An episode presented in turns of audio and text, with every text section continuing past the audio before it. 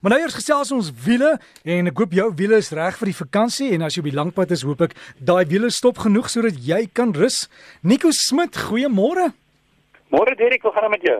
Ah, met my rustig hier in die ateljee. Jy weet ek is bly ek is nie op die besige paai nie. Ons kry SMS'e groot probleme op van van die kleiner dorpies, jy weet, paai is besig en mense staan tou vir brandstof en selfs die tolhekke is verskriklik besig. So maak 'n mens nogal kwaad, né? Nee?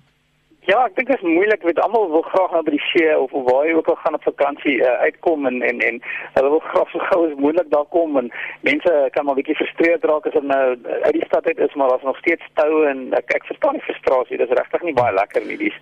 So die gewoonlik wat ek maar probeer doen is uh, om, om brandstof in te gooi en en dan persoonlik werk dit vir my om so ver as moontlik te gaan maar nie tot ek nou nie meer um, uh, my voertuig sien baie voertuie vandag as jy sê hoe hoe ver kan jy nog ry met die brandstof. En dan kyk ek maar na die dorpies hoe lyk die volstasies en as die volstasie bietjie stiller lyk, dan dan ek geneig om dit te gebruik. Ehm um, wat ek sien, weet jy wat dit hier sit net 'n bietjie stil, gaan gou hier in glip en, en weer die brandstof vol maak en maak dit vir myself bietjie makliker. Die ander ding is beplan maar, dis nogal snaaks as jy by 'n tolhek ry. Kyk net bietjie vooruit. Party mense sê nee, wag, daai linker tou is bietjie korter as die regter tou. Mense is geneig om net agter 'n ry te te, te spring. So as jy bietjie rondkyk en beplan, party mense kan jy 'n korter tou erin sien.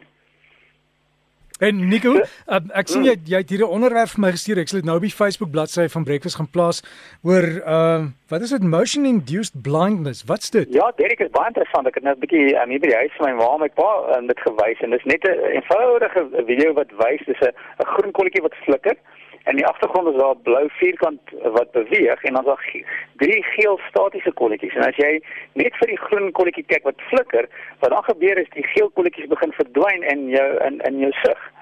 So, dis 'n ontdekking in 1965 deur Grindley en Townsend en hulle noem dit motion induced blindness. So, jou brein ignoreer sekere inligting wanneer jy beweeg. Um, in verhouding met jou beweging as iets anders stil staan, is dit moontlik dat jou brein daai inligting kan ignoreer. So wanneer jy byvoorbeeld um, bestuur en ry en jy is geneig om te staar vooruit um, en jy staar na die voertuig vorentoe, kan dit wees dat voertuie wat stil staan langs die pad, jou brein daai inligting kan kan ignoreer. En ook baie maal as as jy byvoorbeeld omdat jy weer eens beweeg, voertuie van die kant af of selfs mense wat oor die pad loop, omdat jy beweeg en jy's geneig om te staar, kan vir 'n oomblik jou brein daai inligting ignoreer. Baie mense sê oor hierdie ou voertuig was met blinde kol en ek het hom nie eens gesien nie.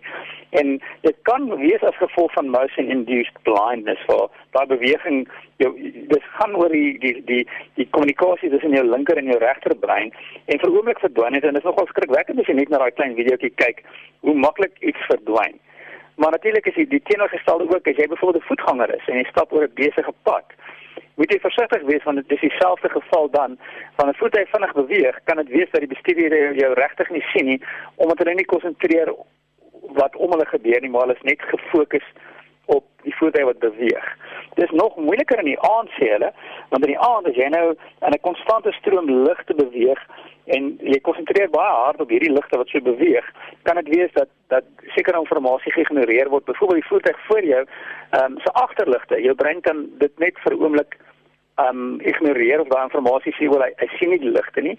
En baie maal as iemand stadig by jou verbygaan, kom ons sê jy ry op die snelweg en stadig in jou blinde kol kom 'n voertuig verby, kan jou brein daai inligting beweeg uh, ignoreer vir die maklikste om dit te ignoreer en hulle dit kom hulle het baie voorgestel vir vir sleniers um, om hulle te help om te konsentreer en, en om nie anders om nie alles sig te bevoor te mis nie is om heeltyd rond te kyk so met ander woorde links en regs en vorentoe en nader en veral in die voertuig te kyk en buite te kyk. So met ander woorde kyk na die spoed en kyk buite toe, kyk na die spoed en kyk buite toe. Want sodra jy net begin ehm um, fikseer op een voorwerp of net staar, is dit wanneer dit nogal moontlik kan gebeur of baie maklik kan ge gebeur. So bly maar waaksaam. Ek dink die beste is om te rus. Dit help baie as mens genoeg rus kry en en genoeg water drink dat jy dit help om te konsentreer en vir my werk dit om nie energiedrankies of suiker te drink nie want dit is nogal iets wat ge, ge, gewoonlik na so 'n paar minute of na kom ons sê 'n halfuur of so dan begin ek moeg voel. Hulle sê dit is beter om iets te eet byvoorbeeld soos biltong of neute kan nogal help. Ehm um, so hoe meer waaksaam jy is, hoe hoe beter is dit. Ek ook persoonlik as ek bestuur, hou ek nogal daarvan om om so ver as moontlik vooruit te kyk um, ook, maar dan word nie net naby die voertuig nie, maar as ek oor 'n bult gaan dan kyk ek wat gebeur op die volgende bult. As ek om 'n draai gaan dan probeer ek kyk daar waar die pad verdwyn. hoe lyk die verkeer daar of is daar dalk 'n 'n voertuig wat stil staan veral ehm um, omdat daar daar's nou baie voertuie en dit kan gebeur as iemand ontklaar raak ehm um, is hulle geneig nogal om aan die geelstreep te stop en baie maal byvoorbeeld deur die Vrystaat ehm um, gaan 'n voertuig na die geelstreep toe sodat jy maklik kan verbygaan aan die regterkant. So ehm um, dit kan gebeur dat jy daai voertuig nie kan sien nie. En ook dan as jou voertuig ontklaar raak en en, en, en jy moet voor die band vervang, pas op om te veel in die geelstreep te uh, te stop. Probeer so ver as moontlik van die pad aftrek. Ehm um, sodat ehm um, dit jy nie regtig in in die pad staan en wanneer jy stil staan en iemand ehm um, ander voertuig wil verby laat gaan dat ehm um, jy dan in 'n gevaarsone is nie. So beplanbaar en uh, wees maar ek dink dis dis die beste ding beplan vooruit en en probeer altyd soveel as moontlik aan jou eie veiligheid en ander voertuie se veiligheid dink. So moeilik in daai en as jy die lang pad gaan vat asseblief veilig by jou bestemming kom en kyk maar wat die ander mense doen hè Nico. Dis reg, dis dis reg. Ehm um, bestuur maar asof niemand kan bestuur nie. Dis altyd die beste uh, plan is bestuur asof niemand kan bestuur nie. Dink altyd aan die die die die, die slegste moontlike situasie en dan soek altyd ehm um, ehm um, aan Engels praat van die escape routes. Waar kan jy links of regs uitswaai en hoe waar waar is die veilige roete in noodgeval? En Nico, iemand het gesê ek moet vir jou asseblief vra wanneer jy op die langpad is en jy kom op 'n ongeluk af wat nou net gebeur het.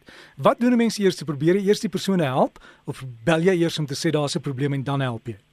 Ehm um, wel ek dink dit hang af van die situasie ehm um, en dit is altyd moeilik maar 1 en 2 is, is, is gewoonlik die vinnigste.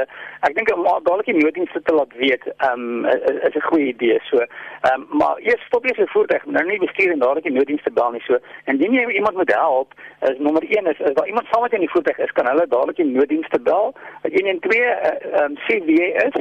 Ehm um, gee jou telefoonnommer, gee met ander gee jou naam en jou van gee jou telefoonnommer, sê vir hulle waar presies dit gebeur het. Uh, as jy iemand moet help trek van die voertuig weer eens, maak seker dat jy heeltemal uit die pad uit trek dat jy nie ook 'n gevaar is vir iemand anders nie. Ehm um, gebruik jy nood noodligte uh um uh, om om dadelik ander voertuie te waarsku en as jy dan iemand gaan help, ehm um, sorg dat jy die as dit 'n gevaar is om om die mense bevoel uit die pad uit te kry, ehm um, waar hulle nie 'n gevaar is nie en as jy ander voertuie kan waarsku, is dit ook 'n goeie idee as dit byvoorbeeld oor 'n blinde hoogte is. So as iemand dan verder terug kan gaan en en miskien 'n dreuke neersit of of mense waarsku, dan kan dit ook ook die situasie die beste help. Nico, ek groet jou alles van die beste. Geniet jou vakansietyd en ons sal weer volgende Saterdag gesels. Reg, uh, Derek, uh, lekker week vir jou ook verder. So gesels ons met Nico Smit en daai skakel na daai blindheid het ek het ek gou op die RSG Breakfast uh, Facebook bladsy geplaas. Jy kan dit daar sien en kyk wat van jou werk. Jy weet mense skrik nogal. Ek het nou gou hier gekyk en dan ewe skielik verdwyn die kolletjies en dan dink jy, "Sjoe, is dit op die pad gebeur as ek regtig in die moeilikheid."